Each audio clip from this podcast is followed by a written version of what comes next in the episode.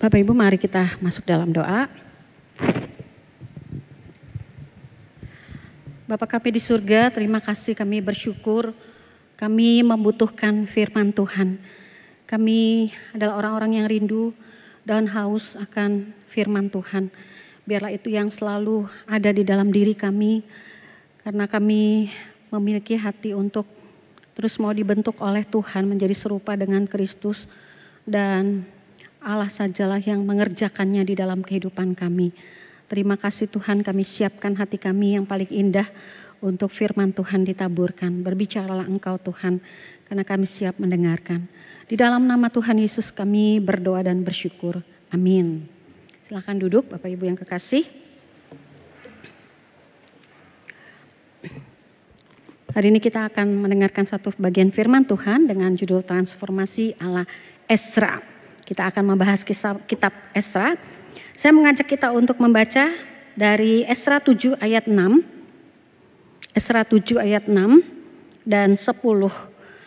Esra ini berangkat pulang dari Babel, ia adalah seorang ahli kitab, mahir dalam Taurat Musa yang diberikan Tuhan Allah Israel. Dan raja memberi dia segala yang diingininya oleh karena tangan Tuhan Allahnya melindungi dia. Ayat 10 sebab Esra telah bertekad untuk meneliti Taurat Tuhan dan melakukannya, serta mengajar ketetapan dan peraturan di antara orang Israel. Demikian firman Tuhan. Bapak Ibu kembali pada kisah bangsa Israel. Pada kisah bangsa Israel, kita melihat bahwa Allah begitu mengasihi bangsa ini Allah begitu mempedulikan mereka. Allah punya cara-cara yang ajaib untuk melakukan setiap karya, tujuan, rencananya, dan tidak ada yang bisa membatasinya. Kitab Esra ini kita melihat bahwa Allah bagaimana mengarahkan, mengendalikan raja-raja dunia Allah menjaga umatnya sedemikian rupa, Allah menjaga firmannya sehingga itu pasti digenapi. Allah mengerahkan hati raja-raja Persia di dalam kisah Esra dan Nehemia disebutkan ada Kores, Raja Kores, ada Darius, ada Artasasta. Mereka kan mereka bagaikan uh, aliran air yang diatur oleh Tuhan ke mana mereka pergi. Dan itulah yang membawa umat Israel kembali ke tanah mereka, ke tanah perjanjian. Bapak Ibu yang kekasih, bangsa Israel dibuang oleh Tuhan selama 70 tahun ke Babel.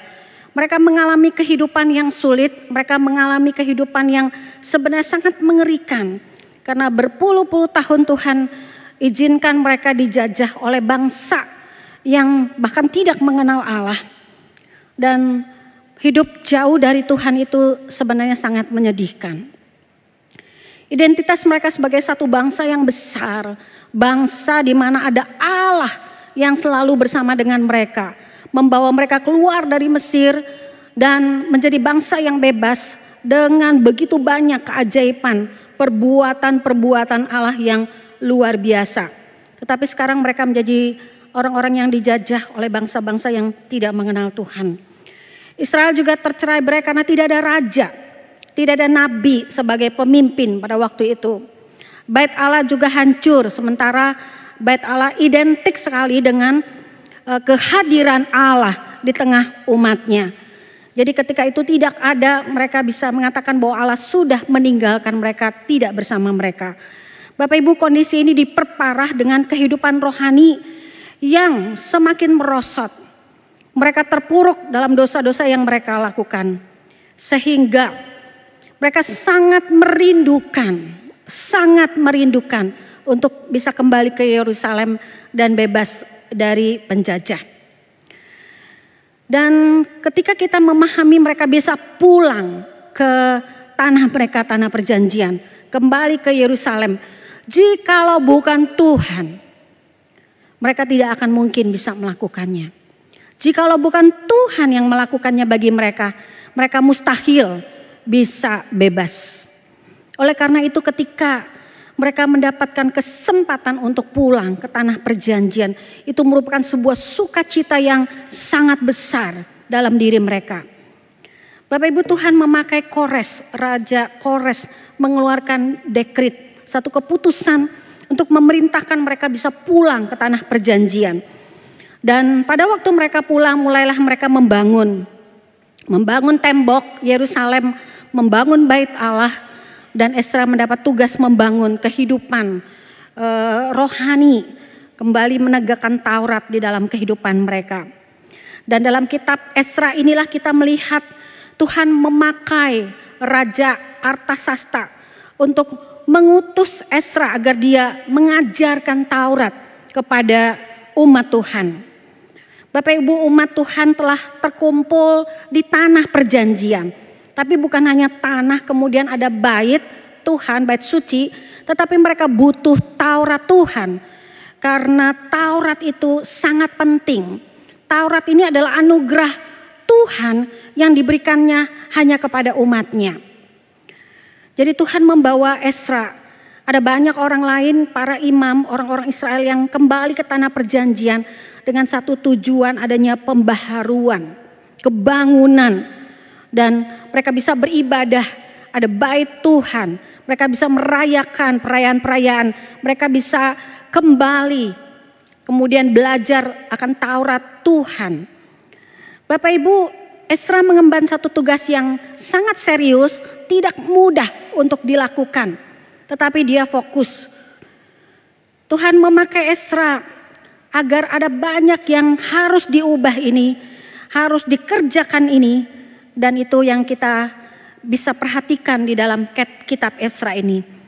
Mari kita lihat bahwa transformasi yang dilakukan Esra atau transformasi ala Esra ini adalah satu pembaharuan yang sangat fundamental, mendasar dalam kehidupan orang Israel, yaitu kembali kepada Tauratnya, kembali kepada kehidupan dan ibadah yang benar. Mari kita lihat yang pertama, Bapak Ibu. Bagian pertama ini adalah kembali kepada Taurat Tuhan. Esra bersama Nehemia ketika datang dari Babel dan mereka dipanggil di dalam tugas yang mulia ini untuk membina E, memperhatikan, membaharui bangsa Israel. Supaya mereka kembali kepada ikatan perjanjian mereka dengan Allah yang dipahami oleh umat Israel itu melalui hukum-hukum Musa, hukum-hukum Taurat ini. Dan kembali kepada Taurat adalah permasalahan yang memang paling dasar yang harus dibereskan dari e, bangsa Israel yaitu masalah hati. Karena hati mereka selama ini hati yang keras, hati yang degil begitu ya, susah ditundukkan, selalu menentang, melawan, tidak setia kepada Tuhan. Dan Esra 7 ayat 10 tadi yang kita sudah baca mengatakan bahwa Esra telah bertekad untuk meneliti Taurat Tuhan dan melakukannya serta mengajar ketetapan dan peraturan di antara orang Israel. Kata bertekad itu berarti bahwa Esra telah mengarahkan hatinya, mengarahkan hidupnya dan secara mantap berkelanjutan untuk tugas ini. Mempelajari, melakukan dan mengajarkan Taurat Tuhan kepada umatnya. Bapak Ibu yang kekasih, Esra sangat mengasihi Tuhan. Dan dia memahami bahwa Tuhan mengizinkan 70 tahun mereka dibuang karena dosa sebagai hukuman. Dan sekarang Tuhan berbelas kasihan membawa mereka pulang kembali itu bukan hanya untuk menikmati kebebasan, tidak terjajah, bukan. Tetapi untuk memperbaharui satu bangsa yang sudah porak-poranda hancur karena kehidupan, masalah e, politik, ekonomi dan semua sosial mereka sudah hancur karena mereka dijajah. Esra memiliki tekad yang kuat membawa bangsa ini kembali kepada Taurat Tuhan. Berjalan sesuai dengan kehendak Tuhan. Bapak Ibu mengapa penting transformasi ini yang dilakukan? Umat Tuhan adalah umat yang dipimpin oleh Allah di dalam peraturan, ketetapan, dan itu di dalam Taurat Musa. Semua aspek hidup mereka dikendalikan. dalam mereka menjalankan Taurat ini. Dan ketika mereka mengabaikan Taurat, melupakan Taurat, sama saja juga mereka mengabaikan Tuhan yang sebenarnya memegang mereka. Dan itu sama saja ketika mereka tidak lakukan, mereka mau berjalan menurut kehendak mereka sendiri. Tanpa kembali kepada Taurat, mustahil mereka bisa hidup seperti umat Allah, umat yang kudus yang Tuhan kehendaki. Karena kita tahu tadi bahwa konteks ketika mereka kembali pulang itu mereka sudah 70 tahun mereka hidup di Babel dan kita lihat bisa saja orang-orang Babel yang menyembah berhala. Begitu banyak dewa dewi, begitu banyak uh, sembahan dan itu bisa mempengaruhi kehidupan mereka dalam datang kepada Tuhan, menyembah Tuhan, mencintai Tuhan, pastilah itu sudah bergeser sedemikian rupa. Bahkan mereka masuk dalam penyembahan yang salah. Mereka hidup berdampingan setiap hari, setiap saat dalam situasi yang demikian. Ada ketidakadilan sosial, ada perceraian, ada kawin campur juga dengan bangsa-bangsa atau wanita-wanita yang tidak mengenal Tuhan ada kebobrokan moral, ada penyalahgunaan bahkan kekuasaan di lingkungan para pemimpin Israel. Bapak Ibu yang kekasih fenomena ini tentu akan membawa kehancuran bagi Israel sebagai satu bangsa bila tidak didampingi oleh pemimpin spiritual yang mementingkan hukum-hukum Tuhan dan mampu kemudian mengajarkannya di dalam kehidupan mereka sehari-hari. Hukum Tuhan diberikan oleh Allah sendiri dan akan menjadi otoritas tertinggi yang mereka pegang di dalam kehidupan seluruh umat Tuhan. Nah di sinilah Esra bekerja keras dan komit untuk melakukan firman Tuhan, Taurat Tuhan, agar umat itu kembali kepada kebenaran, keadilan, kembali hidup dalam kekudusan seperti yang Tuhan kehendaki. Bapak Ibu yang kekasih, kita lihat apa yang dilakukan oleh Esra ini tertulis dalam kitab Nehemia 8. Saya membacakannya pada ayat 2. Lalu pada hari pertama bulan yang ketujuh itu, Imam Esra membawa kitab Taurat itu ke hadapan jemaah. Yakni baik laki-laki maupun perempuan dan setiap orang yang dapat mendengar dan mengerti. Ayat 3, ia membacakan beberapa bagian daripada kitab itu di halaman di depan pintu gerbang air dari pagi sampai tengah hari. Dengan penuh perhatian seluruh umat mendengarkan pembacaan kitab Taurat itu. Ayat 13, pada hari yang kedua kepala-kepala kaum seluruh bangsa juga para imam dan orang-orang Lewi berkumpul pada Esra ahli hukum Taurat itu untuk menelaah kalimat-kalimat Taurat itu. Mereka menelitinya, mereka memperhatikannya dengan lebih jelas. Ayat 18, bagian-bagian kitab Taurat itu dibacakan tiap hari. Dari hari pertama sampai hari terakhir. Tujuh hari lamanya mereka merayakan hari raya itu dan pada hari raya yang ke-8 ada pertemuan raya sesuai dengan peraturan. Ayat 8 yang mau saya ingin bacakan, bagian-bagian daripada kitab itu yakni Taurat Allah dibacakan dengan jelas Bapak Ibu. Dibacakan dengan jelas dengan diberi keterangan-keterangan sehingga pembacaan dimengerti. Kalau kita khotbah, kita menjelaskan firman Tuhan, jemaat mengerti. Bapak Ibu tujuh hari lamanya kitab Taurat dibacakan. Dari pagi sampai tengah hari mereka berada dalam pembacaan Taurat Tuhan. Mereka berada dalam suasana yang dibangun betul-betul untuk mendengarkan firman Allah. Mereka diajarkan bagian demi bagian, diberi keterangan-keterangan supaya jelas sehingga umat mendapatkan pengajaran yang benar, pengajaran yang benar. Umat Allah harus mengerti dengan jelas yang ditulis di dalam Taurat. Mereka harus kembali kepada apa yang Tuhan kehendaki. Mereka tidak boleh hanya merasa seperti saya umat Allah, saya orang Israel, memiliki Taurat, tapi mereka tidak melakukannya. Sama seperti kita orang Kristen, kita merasa kita punya Alkitab, kita punya firman. Tapi kita nggak melakukannya dalam keseharian hidup kita. Betapa kita terus membutuhkan firman Tuhan dijelaskan kepada kita. Ketika kita baca kita tidak mengerti, kita bisa sekarang banyak ya perangkat-perangkat bisa menambah uh, pemahaman kita. Tetapi ketika kita beribadah, kita mendengarkan itu dijelaskan, pemahaman kita akan terus bertumbuh. Dan dalam 2 Timotius 3 ayat 16 tadi kita sudah nyanyikan, dengan tegas dikatakan oleh Timotius betapa pentingnya firman Tuhan itu untuk mengajar. Kita perlu diajar. Ada orang yang e, merasa enggak perlu, saya udah tahu. Bapak Ibu, firman Tuhan sampai hari ini pun kita hamba Tuhan masih terus belajar karena banyak hal yang kita tidak mengerti.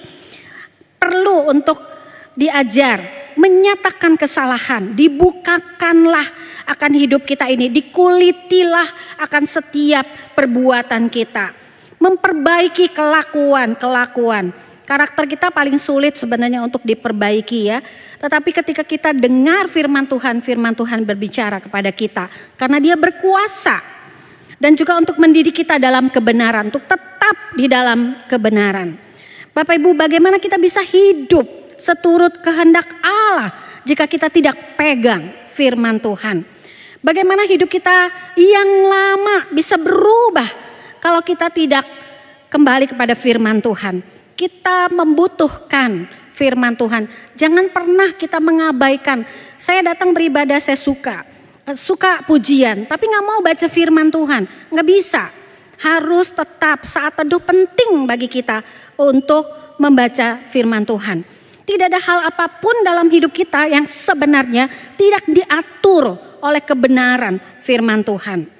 Bapak Ibu yang kekasih, firman Tuhan sangat berguna untuk menuntun hidup kita. Dan karena itu setiap aspek dalam hidup kita mesti digumulkan. Ketika kita mencari kehendak Tuhan, mesti ditundukkan di dalam kebenaran firman Tuhan. Tanpa pengenalan akan Tuhan melalui firman-Nya, Mustahil kita berubah.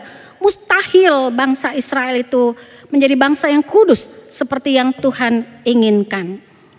Bapak Ibu Esra menjadi teladan bagi setiap orang yang merindukan untuk meneliti firman Tuhan, menghidupinya, kemudian mengajarkannya. Kita mungkin bukan pengajar semuanya, tetapi apa yang kita tahu kita bisa sampaikan. Ada banyak sekarang media untuk kita membagi kebenaran firman Tuhan. Biarlah kita makin sadar betapa pentingnya kita memahami firman di dalam kehidupan kita.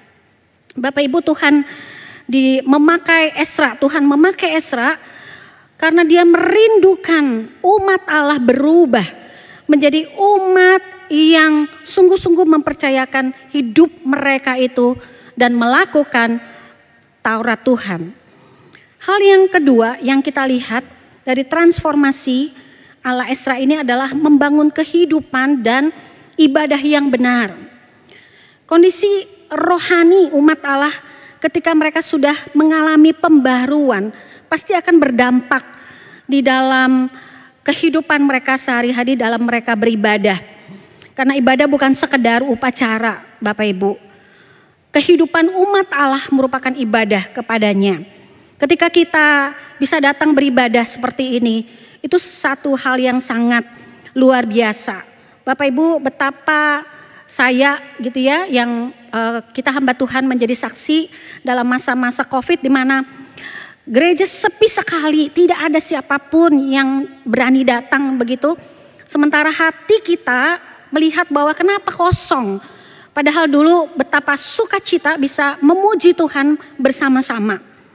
Jadi itu sesuatu yang sangat menggetarkan sebenarnya. Ketika kita bisa datang ke gereja beribadah, sekarang sudah dibuka onsite, mari datang dan kita bersukacita di dalam ibadah kita. Pasal 8 kemudian dikatakan di dalam kitab Esra menceritakan ada orang-orang yang eh, eh, pasal 8 ini mereka bisa kembali melakukan eh, persembahan, mereka bisa melakukan perayaan-perayaan pondok daun dan hari-hari raya yang lain. Esra berdiri mewakili umat Allah, berdiri mewakili umat Allah untuk berada di hadapan Tuhan. Betapa indahnya ketika hal itu bisa terjadi. Kemudian masuk ke dalam pasal 9 ada laporan bahwa ada orang-orang, ada pria-pria yang beristrikan dari wanita-wanita asing. Dan itu kemudian menjadi satu kesedihan e, bagi Esra. Dia mengoyakkan bajunya, jubahnya, mencabut e, rambut dan janggutnya tanda berduka yang mendalam. Dia sangat kecewa, dia sangat sedih, dia menangis dan dia berdoa kepada Tuhan. Dia mohon pengampunan Tuhan. Dia hancur hati karena bangsa di mana dia menjadi imam melakukan hal-hal yang mendukakan hati Allah. Esra datang pada Tuhan, dia bersungguh-sungguh berdoa kepada Tuhan dan kita dapat melihat kata-kata doa yang merupakan ungkapan hati Esra yang dia katakan pada saat dia bersama-sama dengan umat itu ketika mereka mengakui dosa mereka. Esra 9 ayat 8 dan 9 berkata demikian. Dan sekarang baru saja kami alami kasih karunia daripada Tuhan. Allah kami yang meninggalkan pada kami orang-orang yang terluput. Dan memberi kami menetap di tempatnya yang kudus. Sehingga Allah Allah kami membuat mata kami bercahaya dan memberi kami sedikit kelegaan di dalam perbudakan kami. Kami tidak ditinggalkan Allah kami. Ia membuat kami disayangi oleh raja-raja negeri Persia.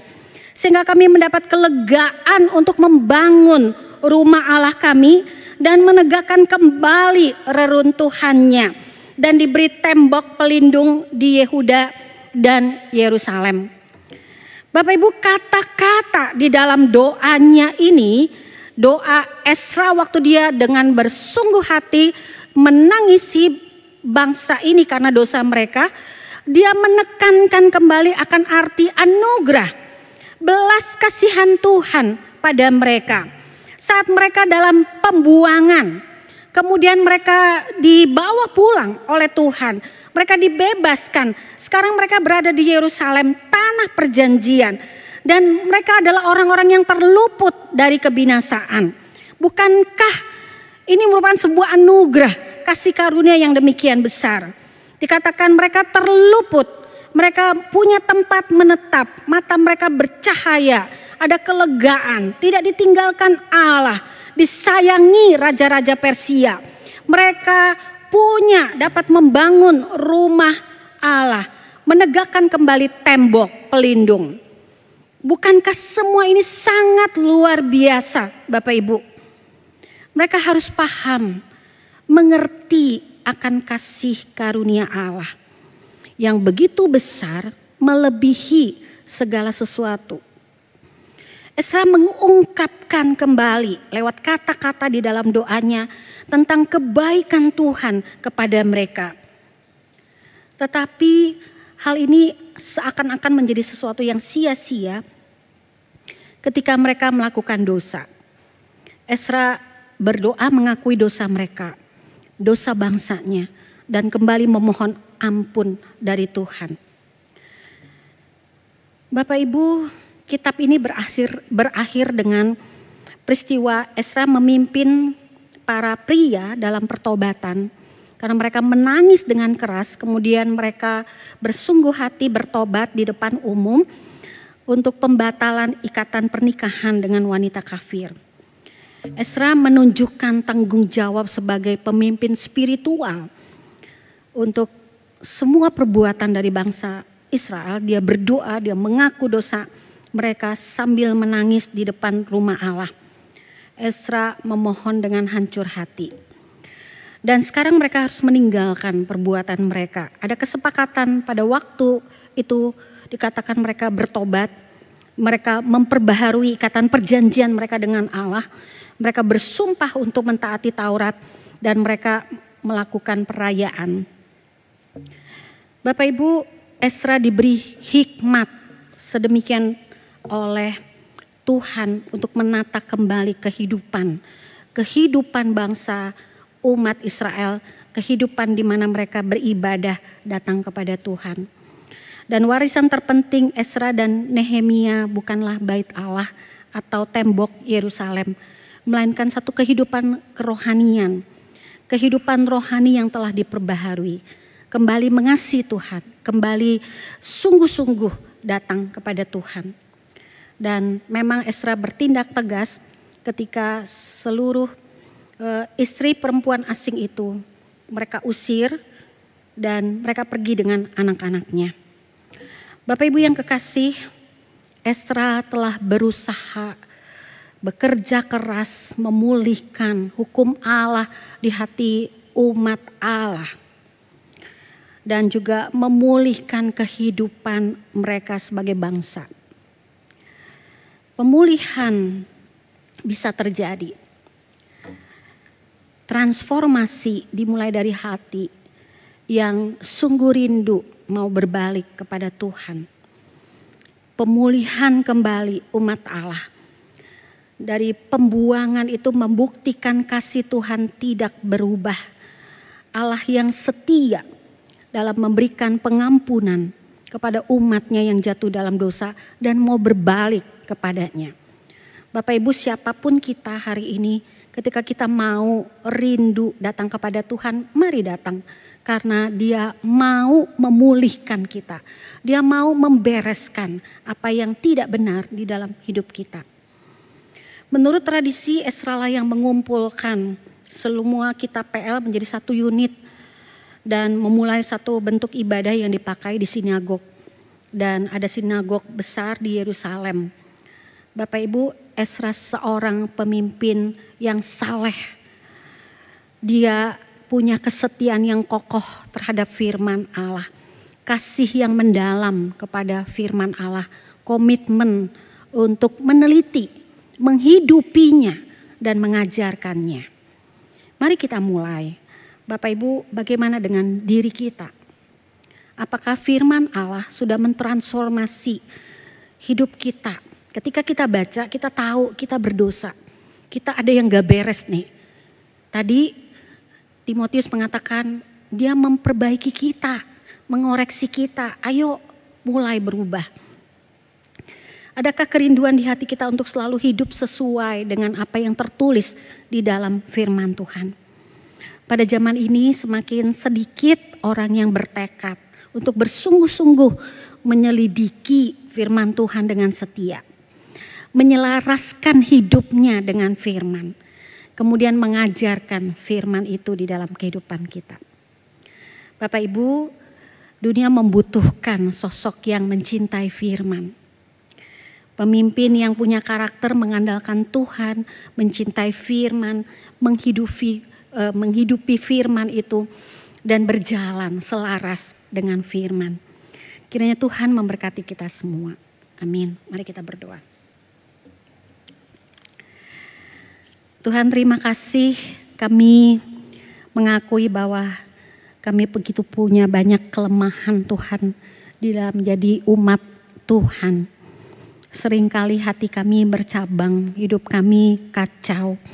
Tetapi ketika kami kembali diperhadapkan kepada firman Tuhan, biarlah firman Tuhan yang membetulkan yang salah, memperbaiki di sana sini, mengoreksi diri kami, mengulitinya sampai kepada yang terdalam sehingga kami bisa dibereskan sedemikian rupa seturut dengan kehendak Tuhan. Tolong kami terbuka, tolong kami rela, tolong kami mau bersungguh hati mencari Tuhan dan mempermuliakan Engkau dalam kehidupan kami. Terima kasih Tuhan. Di dalam nama Tuhan Yesus kami berdoa kami bersyukur. Amin.